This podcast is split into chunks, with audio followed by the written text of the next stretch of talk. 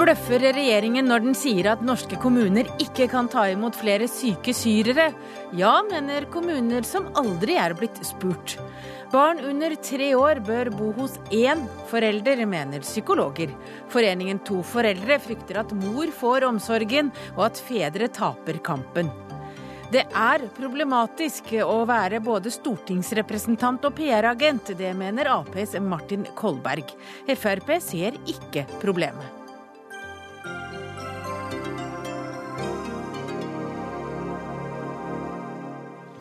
Velkommen til Dagsnytt 18 denne mørke fredagen i november.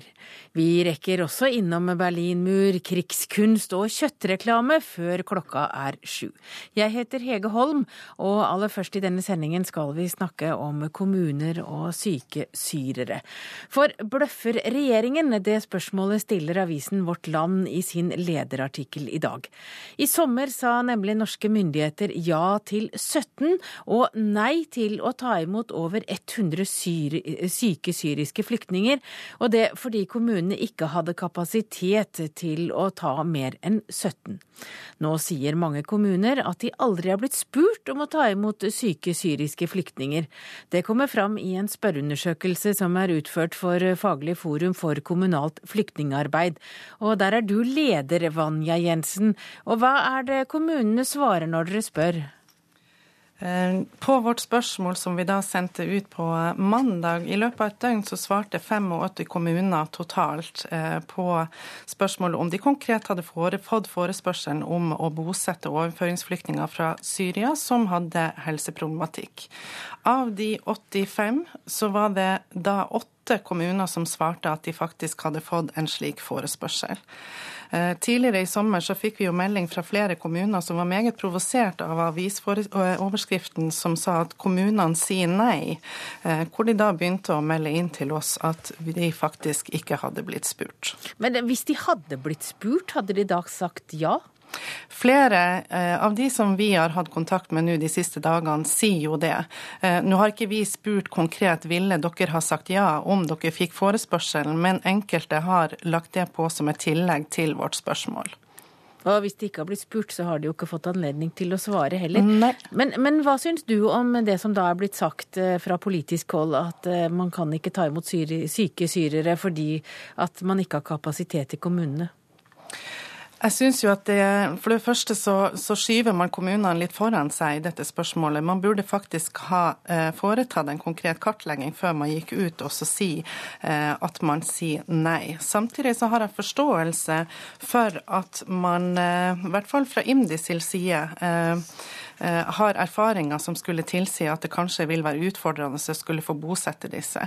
Men nå er det sånn at den syriske konflikten den er stor og den er vedvarende, så det skaper et engasjement både i fagfeltet og politisk. Eh, og dette engasjementet tenker jeg at man også kan klare å benytte overfor de som nå sitter i mottaket eh, og venter. Det er totalt ca. 5000 som sitter der nå, og flere av dem har helseproblematikk, og IMDi har hatt utfordringer med å få bosatt disse. Eh, I de kommunene som også svares, er det enkelte som sier at vi ikke har tjenesteapparatet.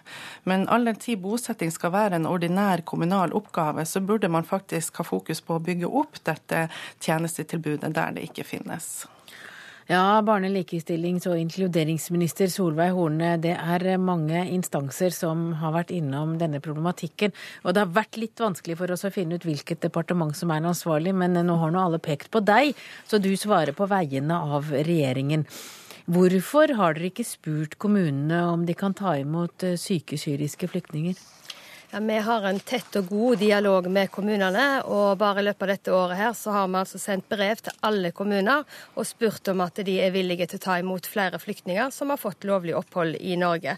Så vi skyver ikke kommunene foran oss. Vi ønsker en dialog med kommunene, og jeg er veldig glad for å få de signalene fra kommunene nå med så sterkt engasjement at de viser vilje til å kunne bosette flyktninger med spesielle behov. Det lover godt for framtida. Men i sommer sa dere jo at at det ikke var kapasitet, men dere hadde jo heller ikke spurt om de kunne trå til i en krisesituasjon? Ja, Vi har sagt vi skal ta imot 1000 eh, flyktninger fra Syria, og nå er det kommet, de, de fleste har kommet, det er noen igjen. Vi skal òg ta imot 1000 neste år, og vi trenger velvillige kommuner som er klar til å ta imot denne ansvarsoppgaven. Så har jeg hatt tett og god dialog med over 50 ordførere bare de siste to ukene, som peker på de utfordringene kommunene har med bolig, med økonomi og utfordringer med personer med spesielle behov. Og Derfor har også regjeringen nå økt det integreringstilskuddet for de med spesielle behov fra neste år. Så jeg lover godt og håper det at vi skal kunne klare å få bosatt flere, og spesielt de òg med spesielle behov som trenger å få en kommune å bo i. Men da dere sa i sommer at dere ikke hadde mulighet til å ta imot 123 eh, syke syrere fordi det ikke var kapasitet, var det egentlig en bløff, Horne? Nei, det var det overhodet ikke. Eh, vi har, eh, der er en, eh, en, god gjennomgang av når vi skal hente ut de flyktningene som, til, som skal komme til Norge, der vi òg ser på kapasiteten ute til kommunene. Hvis det er kommuner som har sagt ja og har kapasitet og fått nei til svar, så vil jeg ønske jeg å få de tallene på bordet. Men vi skal ta vår andel av de syriske flyktningene, og det er kommunene godt i gang med. Men så har jeg lyst til å si det at det sitter altså over 30 personer med spesielle behov. Og noen av de har sittet opptil flere år i mottak. De har fått lovlig opphold, og det er viktig at kommunene nå er med og bidrar og får bosatt disse personene. Ja, Vanja Jensen, hva sier du til det? Det er jo mange med da spesielle behov som ikke man får eh, bosatt i kommunene fordi kommunene ikke ønsker å ta det imot? Jeg har inntrykk av at våre medlemskommuner er positive til å bidra til at disse også får bosetting. Så disse 30 personene kan vi gjerne ha en dialog med IMDi om, eh, og faktisk inngå et konkret samarbeid om hvor disse kan bosettes. Eh, så det er en direkte invitasjon til IMDi. Men nå virker det jo som det er et eller annet sted en propp i systemet. da Horne sier at eh, hun har kartlagt det, dette var ikke noe bløff. De hadde oversikt, mens du sier at det var mange som ikke var spurt. Men er det sånn at de da var villige til å ta imot syrere i en krise, men at de vegret seg for å ta imot uh, asylsøkere som hadde fått opphold generelt? Ja, Som jeg nevnte i stad, så er Syria-konflikten en konflikt som har skapt stort engasjement. Eh, og Jeg oppfatter også våre medlemmer til å overføre dette engasjementet også til de som, som sitter i mottak. Eh, men jeg ser jo også at vi har utfordringer eh, på andre hold som ikke kommer frem i denne debatten. Vi har jo valgt å kalle dette for systemknuter, som er praktiske tidstyver som er i feltet. Som har man klart å samarbeide godt om å frigjøre eller løse opp i disse, så vil man ha frigjort kapasitet i kommunene både til å bosette mer av ordinær bosetting, og også i forhold til dem som har helseproblematikk. Og det går konkret på samarbeid mellom ulike eh, etater i systemet. Om det er direktorat eller statlig, det eh, kan man gå nærmere inn på, men det er kanskje en større debatt. Ja, Margrit Austno, du sitter i studio her. Du er generalsekretær i Norsk organisasjon for asylsøkere. Hvordan reagerer du på at kommunene nå sier at de ikke rett og slett ble spurt om de hadde anledning til å ta imot syke syrere? Nei, Det viser eh, litt av problematikken her. Og, og, mye av dette skyldes jo at det er eh, to departement som eh, har ansvar for dette. Og hovedansvar for bosetting er i et departement som ikke opererer med klare måltall, mens hovedansvaret for hvem som skal få komme til landet, er under Justisdepartementet. Og Der har man klare måltall på hvor mange man skal sende ut, men ikke på hvor mange man skal ta inn og hvor mange man skal bosette. Så når Utlendingsdirektoratet, som ligger under Justisdepartementet, var i Tyrkia og Libanon for å ta ut uh, de flyktningene som skulle komme hit på kvote, så spurte de bakover til Justisdepartementet, som bestemmer over dem. Uh, kan vi endre uh, den pro såkalte profilen, altså sammensetning av type flyktninger med ulike behov, som har ligget siden den rød-grønne regjeringen? For nå er det veldig mange syke, mange som trenger ekstra oppfølging i hvert fall en periode.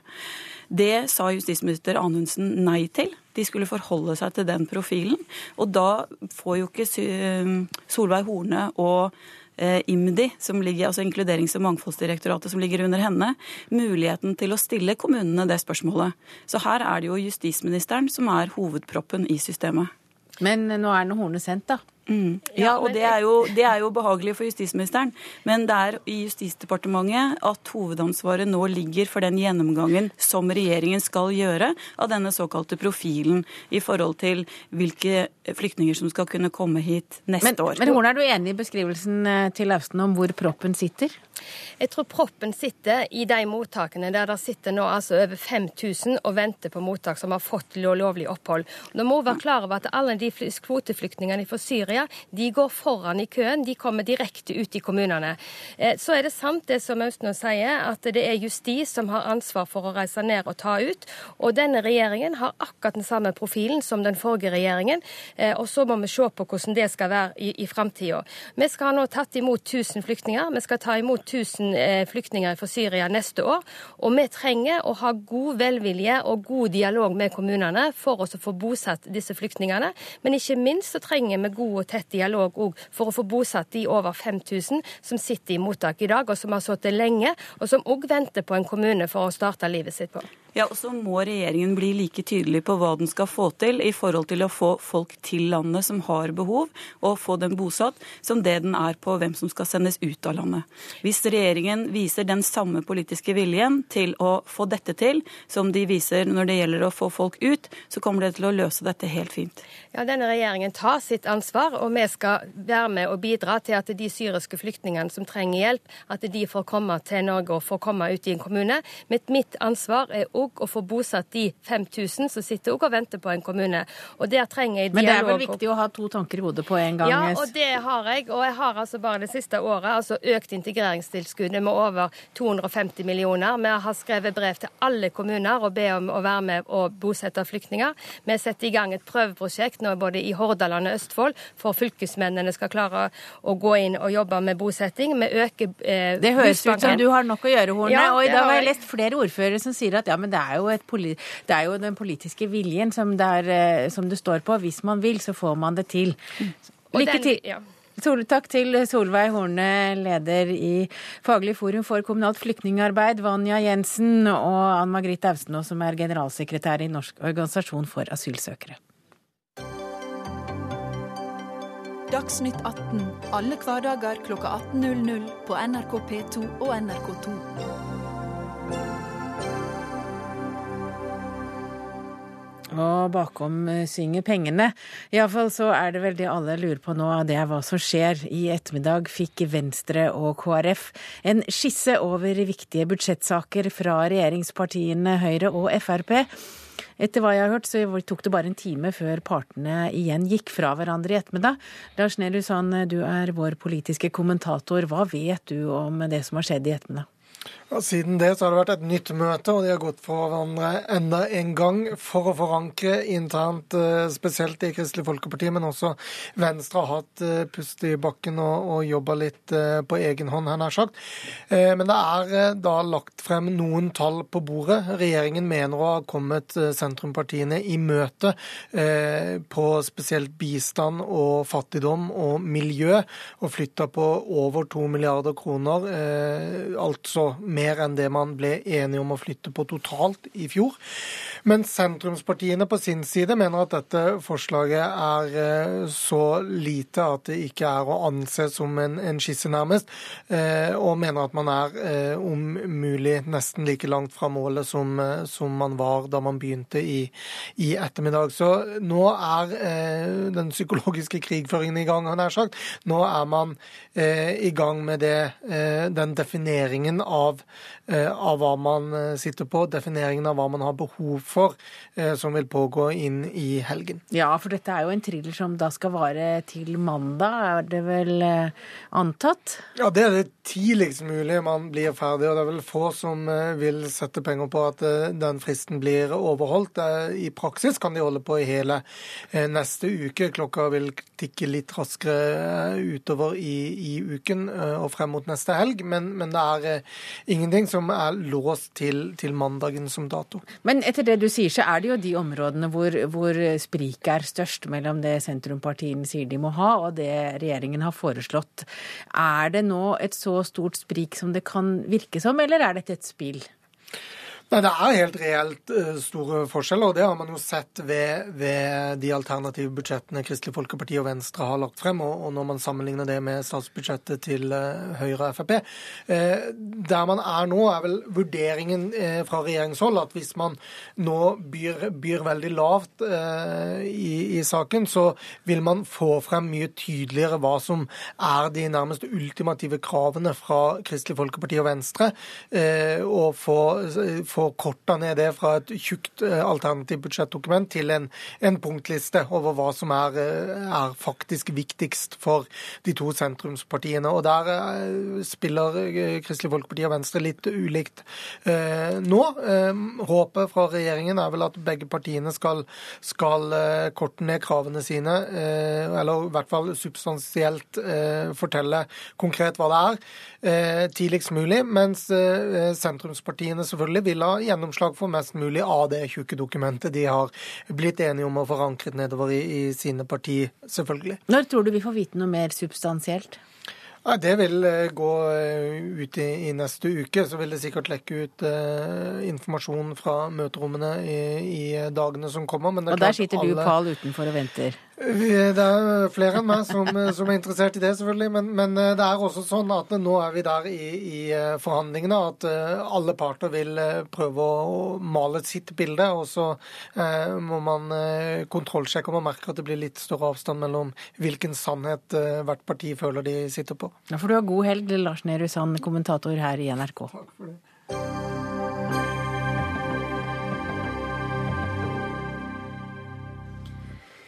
Er det greit at stortingsrepresentanter eller vara på Stortinget også jobber for et PR-byrå? Det spørsmålet er igjen aktuelt etter at FrPs Mette Hanekamhaug ble kalt til Stortinget, samtidig som hun er ansatt i PR-byrået Gelmøyden Kise. Dagsavisen skriver at også Arbeiderpartiet har en vararepresentant eh, som eh, samtidig driver sitt eget PR-byrå. Allikevel, Martin Kolberg, eh, du er leder i kontroll- og konstitusjonskomiteen, og du sitter for Arbeiderpartiet. Du syns dette er problematisk. Hvorfor det? Ja, Det er fordi det er nok et eksempel på en problematisk sammenblanding. Og Det det handler om her, er jo at det er nødvendighet med åpenhet når det gjelder myndighetspersoners bindinger til andre uh, miljøer og interesser i samfunnet. Nå er det jo slik at uh, I dette tilfellet så er ikke det en så veldig aktuell problemstilling. fordi Gelman og Kise de opererer jo med åpne kundelister. Men vi vet ikke helt konkret hva uh, Hanekamhaug har arbeidet med. Og disse tingene det er uavklarte forhold i forhold til storting og i forhold til regjering. Og Det er jo derfor nå presidentskapet har til behandling et helt konkret forslag om hvordan dette skal løses. Nemlig at de personer som kommer inn i myndighetsroller, eh, om det er vararepresentanter, eller om det er storting, stortingsrepresentanter, eller om det er regjeringsmedlemmer, eller om det er statssekretærer, så må vi vite hva det er slags bindinger de har hatt før de kommer inn i denne myndighetsrollen. Men denne egne, denne vararepresentanten fra Arbeiderpartiet, da, det må jo være like problematisk det som eh, Hanekamhaug? Ja, selvfølgelig. Selvfølgelig. Det, det, er det samme spørsmålet. Og jeg, jeg, relaterer meg ikke spesielt til Hanekamhaug nå. Det er ikke noen grunn til å kritisere henne spesielt. Det har jeg heller ikke gjort. Eh, jeg har sagt at dette er et prinsipielt spørsmål som vi er nødt til å håndtere. Men, men hvis, vi... hvis, de forteller hva slags kunder de har, og hvis, hvis, alle vet det, hva er da problemet? Nei, da er det ikke et problem. Eh, det er når det ikke skjer. Og det er grunnen til at dette forslaget nå ligger hos presidentskapet, er jo det vi, hadde, det vi opplevde med landbruksministeren tidligere i år, som nekter å oppgi uh, hva hun har arbeidet med før hun ble landbruksminister. Og Det er jo det som foranlediget dette forslaget, som en lang rekke representanter står bak. Og I første omgang så handler dette om statsråder og statssekretærer, men det kan bli aktuelt å utvide dette kravet og loven til også hele stortingsrepresentanter. og Jeg tror det må være helt aktuelt, slik som vi ser dette utfolder seg i Stortinget. Harald Tom Nesvik, du er parlamentarisk leder i Fremskrittspartiet. Ser du noe problematisk med denne dobbeltrollen? Altså Når det gjelder Hanekamhaugs rolle, da, så uh, før hun tiltrådte uh, som vara, så fikk jeg hele kundeporteføljen til uh, denne representanten, slik at jeg kunne gå gjennom hele den porteføljen. Jeg forventer at også Arbeiderpartiet sin Steinar Gullvåg har gjort det samme overfor for sin gruppe. Så lenge jeg har den oversikten og kan sjekke den ut i alle sammenhenger, så har jeg full kontroll på den situasjonen. Men det som er det spesielle her, er jo bl.a. også medias håndtering regjering, men at Hanekamhaug fikk forsida av landets eh, største aviser pluss et par sider inni, mens eh, det blir en liten notis når det er en representant fra Arbeiderpartiet. Så, men det får vi ta en diskusjon på en annen gang. Ja, vi, bare... spørre, vi må jo, men, spørre ja. Kolberg, du, vet du om eh, kundelistene til Steinar Gullvåg er i partiets hender? Nei, det har jeg ikke kunnskap om. Men det som, det som Nesvik sier her, peker på et sentralt prinsipielt problem. Og det er bra at Hanekamhaug har opptrådt sånn som, sånn som hun har gjort. og det, Jeg stoler på det Nesvik sier. Så la oss ikke lage partipolitikk ut av dette, for det er det ikke. Det det handler om her, er at det er Nesvik i dette tilfellet som sitter med denne lista, og ikke offentligheten. Akkurat som departementsråden i Landbruksdepartementet sitter med landbruksministerens liste uten at vi kjenner offentligheten. Og Det er der feilen ligger, Nesvik. Vi må ha en ordning hvor det er offentlig hva Hanekamhaug har drevet med, hva Steinar Gullvåg har drevet med, hva andre har drevet med, og hva landbruksministeren har drevet med. Når du sitter i en myndighetsrolle og skal være med å bestemme noe som betyr noe for hele samfunnet, da må vi vite om det er en binding. Er det ikke binding, så er det greit. Er det en binding, så er du inhabil. Nå er, nå er faktisk problemstillinga her at uh, i en del av disse selskapene så må du faktisk skrive under en taushetserklæring knytta til, uh, til, hvilke kunder som opererer der. Uh, og det har med kundeportefølje og det har med avtaler mellom kunde og selskap. og det kan faktisk ikke disse personene bryte. La oss bruke eksempelet. jeg tror det kan være litt interessant for publikum å vite hva som har skjedd der. har Hanekamhaug stilte til valg ved sist stortingsvalg. Eh, hun kom altså ikke inn eh, en gang til. Hun var fast sittende representant i forrige periode, kommer ikke inn. Så studerer hun, så får hun en jobb på sida eh, i, Gilmuden Kise. Som vara blir man da. Man kan ikke gjøre slik at personer skal ha yrkesforbud. Samtidig så vet vi at i en del selskap så oppgir, man på en måte at du har ikke hatt taushetsplikt til listene. La oss ta den andre saken var knytta til tidligere. Der sitter altså øverste administrative sjef faktisk i hos statsministeren statsministerens kontor, og har også den lista til Sylvi Listhaug som, som, som, Kolberg snakka om. Men, eh, men, denne debatten kan jo vi dra videre. Den, for hva da med personer som kommer på Stortinget, som da har permisjon fra enkeltselskap? Eh, skal de oppgi alle disse selskapene hvor du kommer fra, hvor du har permisjon fra? Eh, hvis du også er vara og kommer inn, si f.eks. Du, du har jobba i Statoil, i Entra, i Statkraft eller hvor det er, skal du da oppgi det også til, til offentligheten? Her er nok det er en litt større ja, debatt i dette, Kolberg, enn det, det som ligger an her. Ja, jeg vil gjerne ta det tur og orden. Dette med bindinger til andre selskaper når du f.eks. arbeider i Geir Kise, f.eks. med strekunder. Det kan ikke gå foran at offentligheten skal vite hva en stortingsrepresentant har gjort, før du er med opp og bestemmer for hvordan samfunnet skal utvikle seg. Dette har med politikken og Stortinget og regjeringens integritet og autoritet å gjøre. Og Da kan ikke private bindinger i et privat selskap gå foran det slikt mm. hensyn. Det gjelder, og det, Nesvik, Dette er ikke partipolitikk. Dette handler om både deg og meg og Stortingets integritet. Men Kolberg, når jeg hører på deg, så tenker jo jeg at kanskje det beste er at man rett og slett sier at eh, det å jobbe som PR-agent når man sitter som vara på Stortinget, det er uforenlig. Nei, det vil ikke jeg si. Det er bare at jeg, jeg Jo, men hvis det er sånn at en, men, hvis en jobber for firmaer, så blir det, er det taushetsbelagte opplysninger? Og da er ja, det jo det, det, er, det er et sivilrettslig spørsmål. Og det, det, kan ikke gå foran. Det kan ikke gå foran at de 169 som sitter i Stortinget, eller de 19 som er statsråder, eller de 50-60 som er statssekretærer, som styrer Norge, ikke skal ha offentlighetens innsyn over seg når det gjelder hva de har gjort og hvilke bindinger de har. Dette er et demokratisk spørsmål som angår politikken og Stortinget og regjeringens legitimitet og autoritet. Ja, altså... Bare få lov til å si en ting til, Nesvik. Bare en ting til. ja, da må du være kort. Ja, og det er poenget med yrkesforbud. Det er ikke yrkesforbud. Vi må bare vite hva de har gjort.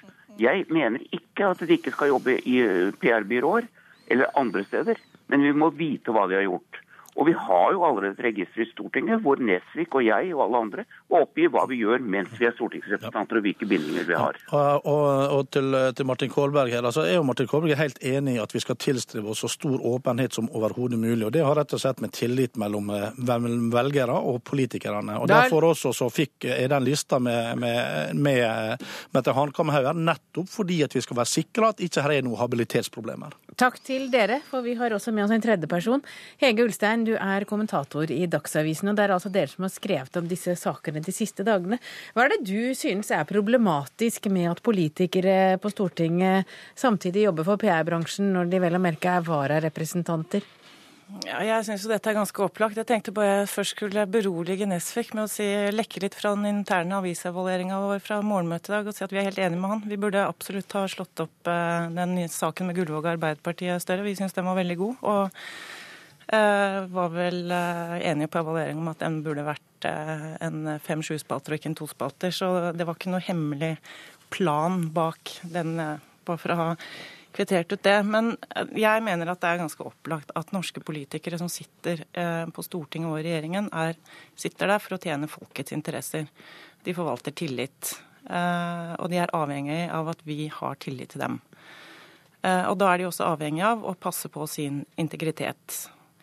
Og Vi har jo hatt denne debatten her nå lenge, i mange runder. Og det har vært mye diskusjon om eh, hvorvidt PR-byråene skulle holde listene sine hemmelige eller ikke. Jeg syns at ikke de skal gjøre det, men det virker som det er vanskelig å få til noen endring der. Det er litt forskjellig. Gelmarden Kise er flinkere enn First House osv. Men eh, det virker ikke som vi får noen generelle regler på full åpenhet i den bransjen. Og da syns jeg eh, det politiske systemet må ta konsekvensen av det. Og ikke være så naive som de er nå. Og, og, og det å gå rundt og liksom mene og si at man kan både være folkevalgt og være i en rolle hvor man skal ta vare på alle interessene til fellesskapet, til de som har gitt deg den tilliten, samtidig som du skal jobbe for særinteressene til hemmelige kunder som betaler, altså de som betaler mest. Jeg, jeg skjønner ikke at det i det hele tatt er mulig å tenke at det skal kunne gå an. Altså, se på deg og meg, f.eks. Journalister. Vi har en Vær varsom-plakat som slår tydelig fast at uh, vi skal verne om vår integritet. Og vi har, uh, forvalter en tillit fra våre lesere og fra offentligheten generelt som, som, vi må passe veldig veldig nøye på. Det ville jo vært helt utenkelig hvis, hvis en journalist eller en tilkallingsvikar skulle jobbet litt i Dagsavisen og litt i First House og litt i Gilmarden Kise og litt i NRK. Det, ville fått Men det betyr at du, du, mener at det er ikke mulig å kombinere? At det må være en form for yrkesforbud for folk som kan, kan plutselig sitte på Stortinget i en periode? Jeg er helt sikker på at det er veldig mange jobber man kan ha når man er vararepresentant i Stortinget. Uh, og man må ikke jobbe i PR-bransjen. Og det ordet yrkesforbud syns jeg er en liksom altså det, det, var noe Nazi-Tyskland innførte overfor sosialdemokrater og jøder på 30-tallet. Så det, jeg syns det er litt dramatisk å bruke det begrepet, da. Men uh, altså jeg vet ikke hva Det, det finnes mange mulige løsninger man kan ha. Én løsning kunne jo være å diskutere om, om man kan frasi seg uh, en sånn plass. Altså at man kan velge å si OK, men jeg vil ikke være folkevalgt lenger. Jeg går ut, og så vil jeg heller være i PR-bransjen. Det var det vi rakk eh, i debatten om PR-bransjen i kveldens sending. Takk til deg, Hege Ulstein, du er kommentator i Dagsavisen. Takk også til Martin Kolberg, leder i kontroll- og konstitusjonskomiteen, og Harald Tom Nesvik, parlamentarisk leder i Frp.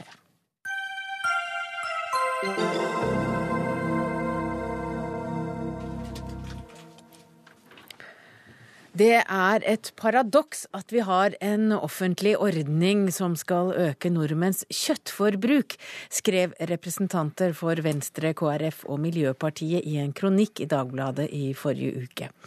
Nå vil de tre partiene endre omsetningsloven, en lov som altså har som mål å fremme og regulere omsetningen av norske landbruksvarer. Og dette må du forklare, Sveinung Rotevatn, du er stortingsrepresentant for Venstre. Hva, hva er galt med kjøtt? Det er ikke galt med kjøtt. Det er mange som syns det er godt med kjøtt. Jeg er også en av dem. Eh, det som er utfordring, er jo at eh, for å få ned klima- og miljøutslippene i Norge, så er vi nødt til å få gjort noe også med kjøttforbruket. Eh, Miljødirektoratet kom med en rapport nettopp som viser at hvis vi skal nå FN-målene for å få ned klimagassutslippene, så må vi redusere kjøttforbruket med 18% Så det er betydelige utslipp knytta til det. Det betyr ikke at vi skal nekte folk å ete kjøtt, men vi har en del ordninger her i landet som vi politikere styrer over, som er med å eh, framdyrka et voldsomt kjøttforbruk. En av dem er ordninga med disse såkalte opplysningskontorene. Dette er litt sånn teknisk, men når bøndene leverer varene sine, så blir det innkrevd en omsetningsavgift. De er kobla til varen. Det vil si at når bøndene leverer kjøtt, så bruker en da avgifta til å reklamere for enda mer kjøttforbruk. Det er en selvforsterkende effekt, og det er en av grunnene til at eh, norske forbrukere blir utsatt for et betydelig press for å øke når kjøttkonsumet. når du er bonde og leverer kjøtt, så tas det en avgift, og den avgiften må gå til å å lage reklame for mer kjøtt. ja, blant annet gjennom det. Eh, så her har vi en selvforsterkende effekt. Så det eh, Venstre og eh, MDG og SV har foreslått på Stortinget, det er at vi skal frikoble den effekten, slik at det ikke er slik at du må reklamere for kjøtt når du krever en avgift for kjøtt, og at omsetning, dette omsetningsrådet som styrer det her, at de får inn miljø og helse i mandatet sitt, slik at når en skal gi kostholdsråd, reklamere for mat til norske forbrukere, via da statlig lovgivning, så må en også ha hensyn til statens kostholdsråd, og ikke minst til klimamålsetninger som vi som politikere har lagt fast. Det er, det er ikke noe annet enn rett og rimelig. Og For å gjøre det litt konkret, så er, det, altså, så er matprat.no, den appen veldig mange kan laste ned og finne oppskrifter, den er eh, betalt av nettopp de, de omsetningsmidlene? Ja, det er den. Eh, og det er en av grunnene til at eh, en nå nettopp så det. At norske forbrukere blir utsatt for et enormt press via reklame for å øke kjøttforbruket sitt.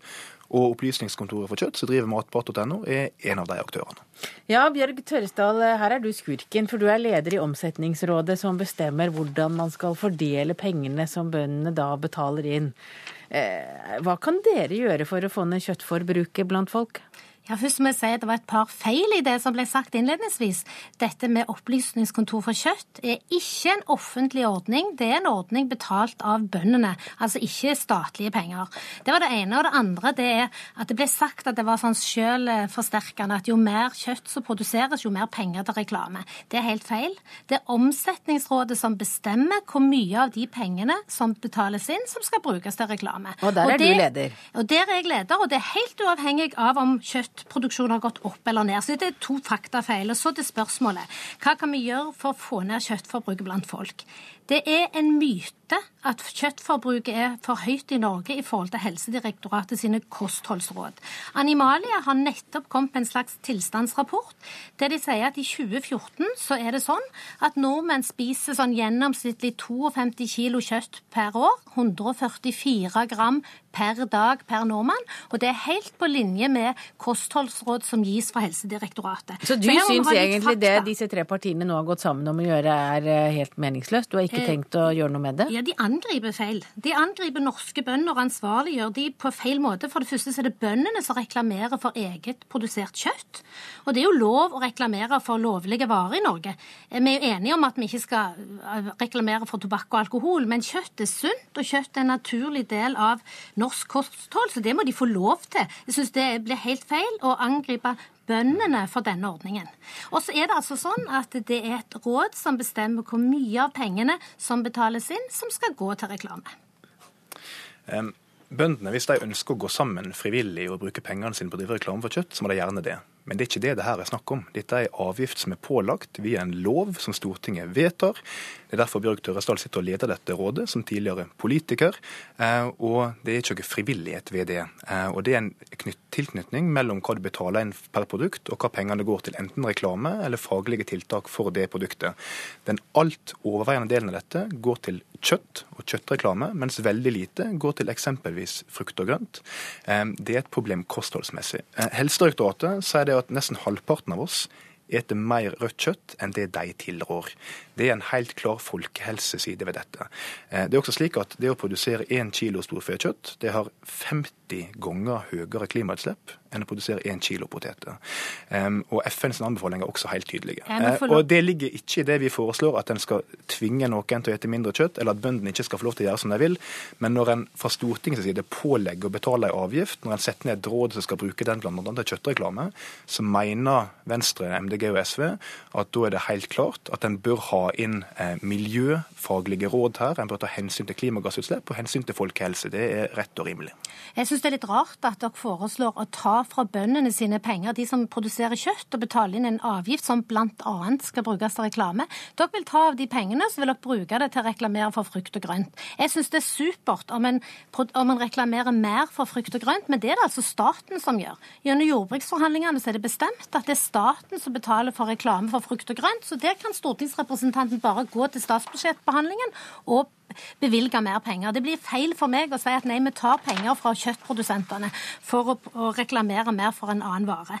Det blir for meg helt ulogisk. Det må være lov for den Men norske det kunne bonden. dere, den avgjørelsen kunne dere ha tatt, Tørresdal, i Omsetningsrådet? Omsetningsrådet sørger for at de pengene som er øremerka kjøtt, går til kjøtt, men det går ikke bare til reklame. Det går til viktig opplysningsvirksomhet og faglig virksomhet. Men dette er jo nettopp poenget. Omsetningsrådet kan ikke bestemme nettopp det programlederen her sier. fordi at det er en binding mellom hva en betaler en avgift for på produkt, og hva en skal bruke penger på av reklame og faglige tiltak. Så det vil si at Omsetningsrådet kan ikke bestemme seg for å i større grad ta hensyn til helseråd, i større grad ta hensyn til klima. De er bundet på hender og føtter til å drive aktivitet for å få fram enda mer kjøttforbruk. Og Dette er en selvforsterkende effekt som ikke er bra for klima, en- som ikke er bra for folkehelsa. Og vi foreslår nå noen enkle lovendringer som vil gi større frihet til Omsetningsrådet til å ta de hensynene, og det bør de ta. Ja, Det er en, faktisk en ny myte, da, eh, dette med at, eh, med, at vi ikke tar helseråd på alvor.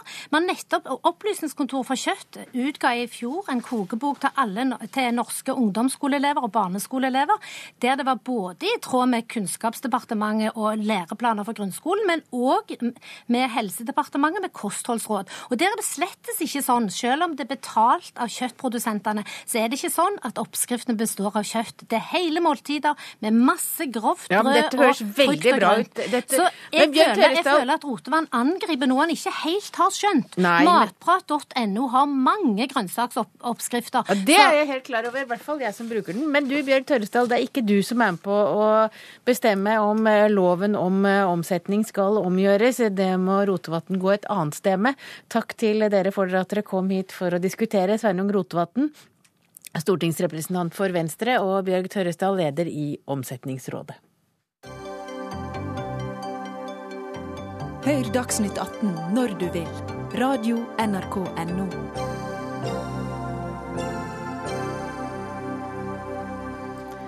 Da skal vi snakke om ordentlig krig eh, her i Dagsnytt 18. For eh, det har da denne uken kommet en eh, bok som beskriver krig gjennom 500 år. Og, og forfatteren som heter Harald Høybakk, og som er oberstløytnant og har skrevet boka, han prøver, eller i går kveld så prøvde han å svare på spørsmålet hvorfor ble Vesten gjennom 500 år så militært overlegne, og hvorfor vinner vi da ikke lenger de krigene vi deltar i? Du får ikke 40 minutter her, Harald Høybakk, men du har nå iallfall skrevet krigskunstens historie. Og eh, først vil jeg bare spørre, hvilken nytte har du, eller eh, rettere sagt vi, av at du nå har skrevet en historiebok om krigene de siste 500 år? Ja, Generelt nytten av å lese historie, så vil jeg dele tre. Det ene er at vi har eh, glede av det. Altså det er opplagt Folk er interessert i historier. Og jeg tror det lar seg kombinere å skrive god historie og kombinere det med gode historier. Vi gjør det fordi det er spennende. Eh, punkt to er at det er nyttig. Jeg tror det er lettere å kommunisere med folk hvis du kjenner litt bakgrunnen til eh, personen, til landet vedkommende kommer fra, regionen. Til slutt så er det nødvendig, fordi erfaring tilsier at hvis ikke vi fyller eh, rommet med ordentlig historie, så er det myter og andre ting som vil fylle det tomrommet. Men, men du, beskriver jo, du beskriver jo så mange gode historier, og det er så mange gode anekdoter og sitater her, at en kan jo nesten fort glemme hva det er det handler om, nett, nettopp krig. Og eh, du har da prøvd å komme fram til å forklare liksom, eh, hvordan krigen har forandra seg, men, men du stiller jo det retoriske spørsmålet hvorfor vinner vi ikke krigene lenger? Hva er svaret? Svaret er at vi, det er nesten ingen som vil tilby oss de krigene vi er best på. Og det har Vesten vært i 200 år. Det er det vi kaller konvensjonell krig. Altså krig på slagfeltet mellom høyteknologi. Der vinner Vesten hver eneste gang. Derfor så vil våre motstandere prøve å ta oss på andre måter. Altså De møter oss ikke lenger på slagfeltet. De bruker helt andre metoder som vår militærmakt er mindre egnet til å håndtere. Som for eksempel? Ja, Det vi ser nå eh, i Afghanistan f.eks., med altså, skyggelandet mellom kriminalitet, sosial uro, selvmordsbombere, eh, kniver Ting som er helt utenfor det Napoleon og andre ville oppfatte som relevant eh, militære problemstillinger. Men det er ting vi står oppe i i dag. altså Nasjonsbygging, eh, uro, eh, sekterisk vold osv. Som våre stridsvogner og kampfly er veldig uegna til å håndtere, egentlig. Men, men hva vil det si å vinne en krig i dag? I dag er det veldig vanskelig å si uh, hva det vil si å vinne. Og, og ser vi historisk på det òg, så var det mange som sa at man vinner ikke kriger. Man kan vinne slaget i den forstand at fienden rømmer slagfeltet, men krigene vinner man ikke. Utbyttet av en krig er at man når de politiske mål man hadde med det, i hvert fall i ulike grader. Så man har sagt at man vinner aldri en krig, men man kan lykkes ved at man oppnår sine politiske mål. Og, og, du skriver også at det trenger jo heller ikke å være de rikeste og de mest utviklede som vinner eh, kriger. Men hva er det som kan avgjøre seier eller tap? Tidligere så var det jo evnen, og som jeg skriver her, gjennom 500 år så var det jo evnen til å sette sammen den teknologien du hadde og, og det personellet du hadde, på en måte som var hensiktsmessig i forhold til eh, motstanderen. Eh, og der var, som vi har vært inne på, Vesten helt eh, Fra midten av 1700-tallet framover så var Vesten helt dominerende. Og det skyldes ikke bare teknologien, men også evnen til å organisere seg. Og det har vi jo sett i andre sider av samfunnet òg, at Vesten har hatt en evne til å organisere seg. Også innenfor økonomi og bedrifter og hva det måtte være. Men eh, som vi kommer ut på, på 1900-tallet, og vi, vi, når jeg sier vi, så mener jeg det store vestlige vi, blir så suverene. Og jeg håper å si etter Koreakrigen har vi ikke møtt noen teknologisk jevnbyrdige motstandere. Og da har våre motstandere da prøvd å ta oss på andre måter som vi da sliter veldig med, og som vår militærmakt ikke er like tilpassa. Men nå vi, skal vi jo igjen eh, sende soldater, vi skal sende de til Irak.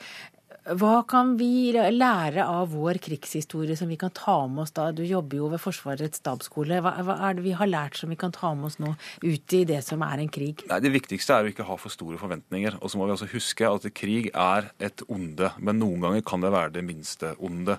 I det tilfellet her så er jo frykten at eh, situasjonen i Syria og Nord-Irak skal bli helt uutholdelig. At det skal koste tusenvis av menneskeliv. Og da ser man fortsatt gripe til militærmakt som en mulig løsning på det problemet. Men militærmakt er aldri noe man tyr til eh, som et positivt middel. Det er et, et onde i seg selv, men det kan være det minste onde. Så man må altså huske at man setter i gang veldig omfattende prosesser. Og det må vi lære gang på gang på gang. At når vi går inn i en, i en krig, i en situasjon, så er det fryktelig vanskelig å komme seg ut igjen. Og Det ser vi gjennom hele historien, hvor vanskelig det er. Hva som er, ja, Det siste eh, slaget ved Waterloo var eh, vel det siste store slaget i historien, men nå skal vi ikke snakke mer om det, for nå har jeg ett retorisk spørsmål til slutt. Får vi kriger fordi at kjedsomhet drar menneskeheten mot krig, eller er krig eh, menneskehetens vedvarende forbannelse og noe som skjer fordi at menn liker å krige og kvinner liker menn som forsvarer dem? Ja, Det er et poeng jeg tar opp her. Det er jo ikke mine poenger, egentlig. Men, men, jeg tror i vår tid og i vår del av verden så tror jeg krig som sådan har mista mye av sin fascinasjon. Det er klart For fagfolk som står midt oppi det, så kan det jo være jeg på å si, et eh, element i å beherske utfordringer osv. Men jeg tror samfunnet vårt bredt er forsynt med krig og ønsker ikke å ha mer av det, egentlig. Du har iallfall skrevet 'Krigskunsten historie, og nå har vi bare kommet med noen få smakebiter. Det er mange sider å lese, og det er eh, spennende og mye som de fleste av oss ikke visste noe om. Du har bl.a. skrevet om de 15 største slagene. En artig 15 på toppliste. Men takk for at du kom eh, hit, Harald Høybakk. Du er altså forfatter av boka 'Krigskunstens historie' fra 1500 og fram til i dag.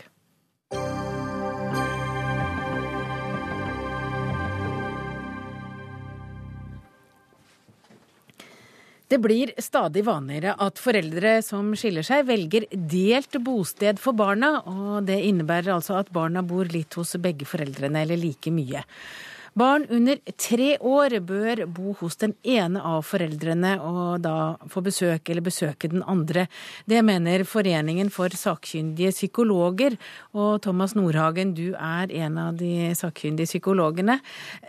Hvorfor er det galt at barn eh, bare deler seg på to og bor litt hos begge? Vi tenker at sånn utviklingsmessig så trenger barn å utvikle en ferdighet eller en evne som vi kaller for tilknytning. Og det gjør den best sammen med én omsorgsperson. Og tilknytningen, om den er god eller utrygg, danner grunnlaget for om barnet kan eh, knytte seg på en trygg eller utrygg tilknytning til andre voksne seinere. Og hvis det skal bytte mye fra det ene hjemmet til det andre, så, så tenker vi at små barn særlig blir utrygge på, på sin primære omsorgsperson. Og I tillegg så mangler de språk og evne til å forstå hva de er med på hvis de stadig vekk bytter bosted. Men fra de er tre år er det greit?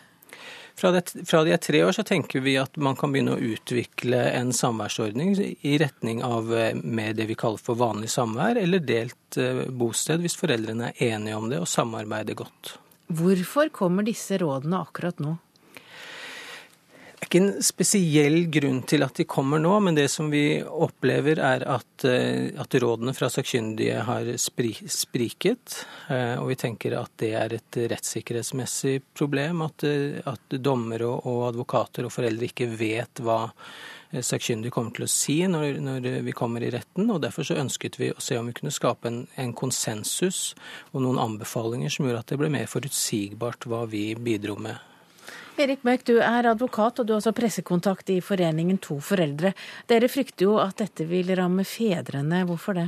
Eh, vi står for, eh, altså FF står jo for likeverd mellom foreldrene overfor barnet. Eh, og I Norge nå så har vi jo et sterkt ønske om at, at barnet, mor og far skal være likt i barnets liv. Og Vi føler på en måte at dette er et lite forsøk på å på en måte tilbakeføre situasjonen over i den gamle morspresumpsjonen som er, er, ble avleggs for mange mange år siden. Ja, At det er mor som kommer til å få omsorgen og far I på sidelinja? I virkeligheten så er det jo det. det er jo sånn, sånn, er det jo fremdeles. Og det som er underlig, er jo at man ser altså det, det virker som ikke FOSAP har skjønt at det er en helt ny type fedre. Det er en helt ny generasjon fedre i dag i forhold til tidligere. Så på en måte så virker som på en måte at man skal på en måte sikre mødrene nå. Det betyr ikke at det er mange fantastiske mødre, det er mange fantastiske fedre òg. Og vi mener at, at, barna trenger begge foreldrene. Men vi er selvfølgelig enige at man kan ikke begynne med delt omsorg for et barn under ett år. Altså, men det er ikke opplagt at det er mor, men hvem er det da som skal bestemme det? Det er et godt spørsmål. Hvorfor velger man eh, nødvendigvis mor? Altså, Hvor har vi fått den ideen fra at, at eh, hovedomsorgspersonen skal være mor alltid? Altså Det er det de prøver, sånn vi opplever det nå, at de prøver å innføre det som et regel, at mor skal ha omsorgen. Er det det dere egentlig gjør? Nei, vi har eh, med hensikt eh, brukt et kjønnsnøytralt språk i folderen. Men eh, samtidig så, så er, er jo inne på et poeng at det ofte er mor som har hovedomsorgen den første tiden, uavhengig om foreldrene bor sammen eller ikke. Og, og, på den måten at hun har en slags fordel med at det kanskje er mor som har mest omsorgen det første halve året, og kanskje opptil det året uansett hva slags eh, samværsordning og omsorgsordning man velger i hjemmet også. Ja, hvilke konsekvenser tror du det kan få på sikt, Mørk? Jeg er rimelig sikker på at dette kommer til å lage enda flere konflikter mellom foreldrene. dette rådet her, Og det kommer til å lage enda mer spissing mellom mor og far. Og det alle vet, at det mest skadelige for barn, det er konflikter mellom mor og far. Og Det er det viktigste å ta tak i, ikke å komme med disse skrivene her. Men det, men, det, men det, man da vel kan innvende, er jo at det du tenker jo på foreldrene, men, men psykologene tenker på barna. Å hindre konflikter mellom foreldrene er virkelig å tenke på barna. Det er svært skadelig for barn. Ja, Det er en av grunnene til at vi kommer med disse rådene. At vi, vi ønsker å gi noen signaler om hvor, hvilke kamper vi mener det er riktig å ta. Og at dersom man ønsker å, å, arbeide for delt omsorg, så er det viktig å tilrettelegge for et godt samarbeid tidlig. Og så når barna har passert en tre år og oppover, så kan man uh, vurdere å, samarbeide om en delt omsorgsløsning da. Men uh, vil du ikke tro at hvis barn er da hos mor fra de er, etter de er tre år, så, så, vil det bli moren som, som vil få den største delen av omsorgen hvis hun ønsker det? Ja, hvis, hun, hvis, de bor der allerede, så, så, ligger det jo i en sånn status quo-prinsipp i, i, i, rettspraksis som gjør at de ofte vil bli boende der hvor de bor. Ja. Men, men, det er litt forskjell på om det er retten som skal avgjøre hvor de skal bo i en sånn konflikt, for da må vi jo se på tilknytningen og hvem har barnet det tryggest hos. Eh, det som er viktig i andre saker, er at foreldrene klarer å etablere et så godt samarbeid som mulig, sånn at de kan utvikle gode samarbeidsordninger hvor både mor og far er aktive deltakere i, i barnas liv. Og det vet vi også fra forskning at styrker barnet og, og, gjør at barn klarer seg bedre hvis både mor og far er til stede gjennom barnets liv. Så vi ønsker ikke på noen måte å ekskludere far eller en av omsorgspersonene til fordel for den andre, men vi tenker at utviklingen av hvordan omsorgen skal utøves samlet, må skje i et bestemt tempo. At det er litt saktere i starten, sånn at man kan velge delte løsninger seinere. Bør man ikke lytte på eksperter, Mørk? Eh, de er ikke mer eksperter enn du og meg. Altså, dette er personlige meninger. Det er noen få uh, sakkyndige som på en måte har kommet med disse rådene. Dette er jo ikke en allmenn enighet. Dette er ikke vitenskap. Dette er ikke sannheten. Sannheten varierer f.eks. fra kultur til kultur, fra tid til tid. Det er masse foreldre i dag som velger en delt løsning og har barna like mye. Og de vet jo best. Altså Det er foreldrene som vet best ofte. Det er de som vet hva barnet trenger. Og de, hvis de drar i samme retning, så vil sannsynligvis barna få det best. Det tror jeg det er vanskelig å komme bort fra det. Så jeg tenker fremdeles at det viktigste er å få til gode samarbeidsordninger mellom foreldrene, og ikke prøve sånn som FOSA prøver nå, putte og dytte den ene forelderen på siden. Altså da, er, vi er jo enige i at det skal trappes opp uh, i starten. Så er spørsmålet hvem av foreldrene er det som egentlig skal uh, sitte i hovedsetet. Det er det ene spørsmålet. Og så er spørsmålet på hvilket tidspunkt skal man begynne å ha barna like mye. Altså Når barnet bor sammen med mor og far, så tar de i dag så de ofte, oftest like mye av barnet sitt. Hvorfor skal det være noe forskjell etterpå? Det kan skape en del konflikter, det dere sier? Jeg tenker at Alle, alle utsagn om barn og forhold til foreldre for tiden skaper konflikter, om det er hvor mye far skal være hjemme i barselspermisjon og hvor mye omsorg den enkelte skal ha. Så det, det, bidrar til konflikt, men vi ønsker å finne måter som er tydelige, sånn at vi kan dempe de konfliktene mest mulig. Takk til Thomas Nordhagen, psykolog og styremedlem i Foreningen for sakkyndige psykologer, og takk til deg, Erik Mørk, du er advokat og pressekontakt i Foreningen To foreldre. Dagsnytt 18 på NRK P2 og NRK2. Og på søndag da er det altså nøyaktig 25 år siden Tyskland ble gjenforent. NRKs reporter Jon Røssum var i begivenhetenes sentrum i Berlin. Her er Øst-Berlin fredag ettermiddag 10.11.1989. 28 år etter at muren delte byen i to, er nå alle grenseovergangene åpne. Jeg står i enden av Unter den Lintenias i Øst-Berlin, en gang Berlins hovedgate som ender ved Brandenburger Tor. Men et lite steinkast bak denne porten reiser muren seg fire-fem meter høy. Hvitmåla, slik at det skulle være lett å oppdage flyktninger som ville rømme til vest. Fremdeles er denne hovedporten til Vest-Berlin avsperra, med jerngitre og væpna grensevakter. Her på øst-tysk side er det flere hundre mennesker som nå er samla. De ser mot vest, ikke fordi de ikke lenger kan krysse grensa, men fordi berlinere i vest har klatra opp på den forhatte muren fra vestlig side. Hele muren er nå svart av folk fra Vest-Berlin. De østtyske grensevaktene har ikke gjort noe for å hindre at folk har tatt seg opp på muren fra vest. Ja, her hørte vi altså Jon Røssum fra Berlin, og Knut Magnus Berge, du er utenrikssjef her i NRK. Og du var korrespondent i Berlin eh, for noen år siden. Eh, hvor stort er egentlig det som skjedde natt til 10.11.1989?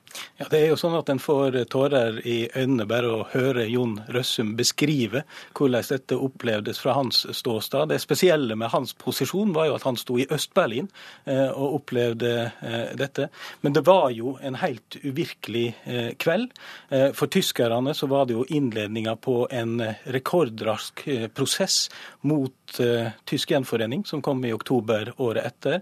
For Europa og resten av verden så var det denne høsten 1989 i innledninga på en enorm omveltning, der eh, kommunistregimet i øst klappa sammen som korthus. En fikk den tyske gjenforeninga, en fikk Sovjetunionens eh, oppløsning. Og en fikk jo da Warszawapaktlandenes inntreden i EU og Nato en god del år seinere. Så det er all grunn til å feire denne dagen på søndag. Ja, Jan Otto Johansen, forfatter og tidligere NRK-korrespondent, du også. Du landet i Berlin tidligere i dag? Hvordan merker du at det er jubileum i byen? Man merket det ved at trafikken inn til Berlin var enormt stor. Eh, Det kan jo skyldes selvfølgelig at eh, det er togstreik, men den togførerstreiken den avblåses i morgen. Eh, Og alle hoteller er besatt. Jeg tror man skal vanskelig finne en weekend hvor det kommer så mange mennesker til Berlin som nå. Og det er masse slags foranstaltninger, mye arrangementer som er planlagt. Og det mest fantastiske er vel at det er hengt opp eh, mange tusen heliumfylte ballonger. Noen sier 6000-7000, andre sier 8000. Eh, hvor mange tror jeg de ikke er helt oppmerksom på. Og de skal da slippes løs eh, på eh, selveste eh, 9. november. Og det som virkelig er det menneskelig fine siden ved det, er at mange mennesker rundt omkring har fått henge på ønskelapper på disse ballongene. Flere hundre har gjort det. Det, det som er morsomt, det er jo òg at sant, disse ballongene står jo langs eh, murtraseen i en 12-15 km gjennom det eh, sentrale Berlin. og dette er tyskerne veldig flinke på. Jeg husker sjøl eh, for fem år siden, det var da eh, 20-årsjubileet var, da hadde de satt opp store sånne dominobrikker, to-to og en halv meter høye, som da var satt opp langs hele traseen gjennom det sentrale Berlin. Og høydepunktet i seremonien var jo selvsagt at man reiv muren ved å vippe over den første blokka, slik at muren raste gjennom Berlin sentrum. Veldig imponerende eh, sånn symbolsk. Og det samme er jo eh, det med disse heliumsballongene, som på søndag kveld da vil bli sluppet fri. Altså de vil bli løsna fra det de henger fast i, og stige til himmels. Så eh, de er flinke med seremonier, og dette blir rørende.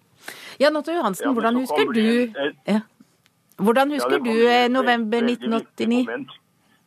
Ja, la meg først bare si at her er det også veldig internasjonalt, for de har invitert skolebarn eh, fra hele Europa. Fra Norge kommer det mange hundre fra aktive fredsreiser og en del fra hvite busser, som skal være med på å slippe opp ballongene. Så det har fått et internasjonalt preg. Ja, du forsøkte å spørre meg Ja, jeg forsøkte å spørre deg, ja. Da var jeg i Washington på slutten av min periode som USA-korrespondent. Og jeg hadde en mulighet som var veldig sjelden, at jeg var veldig ofte i Det nasjonale sikkerhetsråd, som holder til i en kjempebygning ved siden av Det hvite hus. Ikke for intervjuer, for det var noe man trodde i Dagsrevyen, at hele verden sto på hodet for å la seg intervjue av NRK TV. Der borte var vi som Montana TV eller noe sånt. Nei, det skyldtes at jeg faktisk som gammel Russlands eh, mann hadde masse venner fra den gangen jeg var- Rockefeller Foundation Fellow. Og jeg hadde eh, virkelig kontakt i alle disse miljøene rundt på amerikanske universiteter. Så den dagen jeg, hadde jeg en avtale i Det nasjonale sikkerhetsråd med eh, president George H. Jeg understreker H. Bush, eh, som da virkelig snakket åpent. Han slo meg på skuldra og sa Jan, dette hadde vi ikke ventet. Dette kom overraskende. Ja, jeg syns også det var overraskende, sa jeg. Før eller senere trodde jeg det ville bryte sammen, men kanskje ikke eh, i vår tid. I hvert fall heller senere enn før. Og så sier han noe som det er verdt å huske i dag. Ingen forutså det. Vi hadde fantastisk etterretningstjeneste, massevis av russlandseksperter. Og det gjaldt både etterretningen, som sagt, gjaldt på universitetene og i pressen. Ingen forutså dette, og de som hevder noe annet, de lyver. Er du enig i det? Det er, altså, er det ingen som helt selv i dag kan påberope seg at de på en eller annen måte forutså det, Knut Magnus Berge? Nei, ikke med særlig stor eh, tyngde, vil jeg si. Eh, men eh, det er jo noen som påstår at de forutså dette, men ingen forutså hvor raskt det skulle gå, og hvor enormt store konsekvenser det skulle få, og på så kort tid. det, er det som er poenget. Ja, det er det som er poenget. Det er jo mange som hevder at det fortsatt eksisterer en mentalmur mellom øst og vest. Gjør det det? I, ja. i mindre grad. Ja, vi- Ja, unnskyld. Vær, ja. Hvem, skal jeg svare på den? Ja, kom igjen, Jan? Otto. Ja. Veldig kort. det, det, man sier at det eksisterer en mur i hodene på dem. Og jeg, mellom øst- og vesttyskere, jeg tror det kan ta en generasjon før det er helt borte. Eh, Så det er klart det er ikke så enkelt psykologisk, mentalt, å utslette alle sporene. Det tror jeg vi får innse. Det er et avtagende fenomen, og det er et generasjonsfenomen. Husk at mange voksne tyskere er født etter at muren eh, var der. Takk til dere, Jan Otto Johansen og Knut og Magnus Berge. Og for de som vil høre mer om murens fall, så er det jo søndagsavis på søndag klokka 11, og der kommer det mye mer. Denne sendinga fra Dagsnytt 18 er over for i kveld. Ansvarlig var Berit Ytrehus, det tekniske sørget Erik Sandbråten for, og jeg heter Hege Holm. Ha en riktig god helg.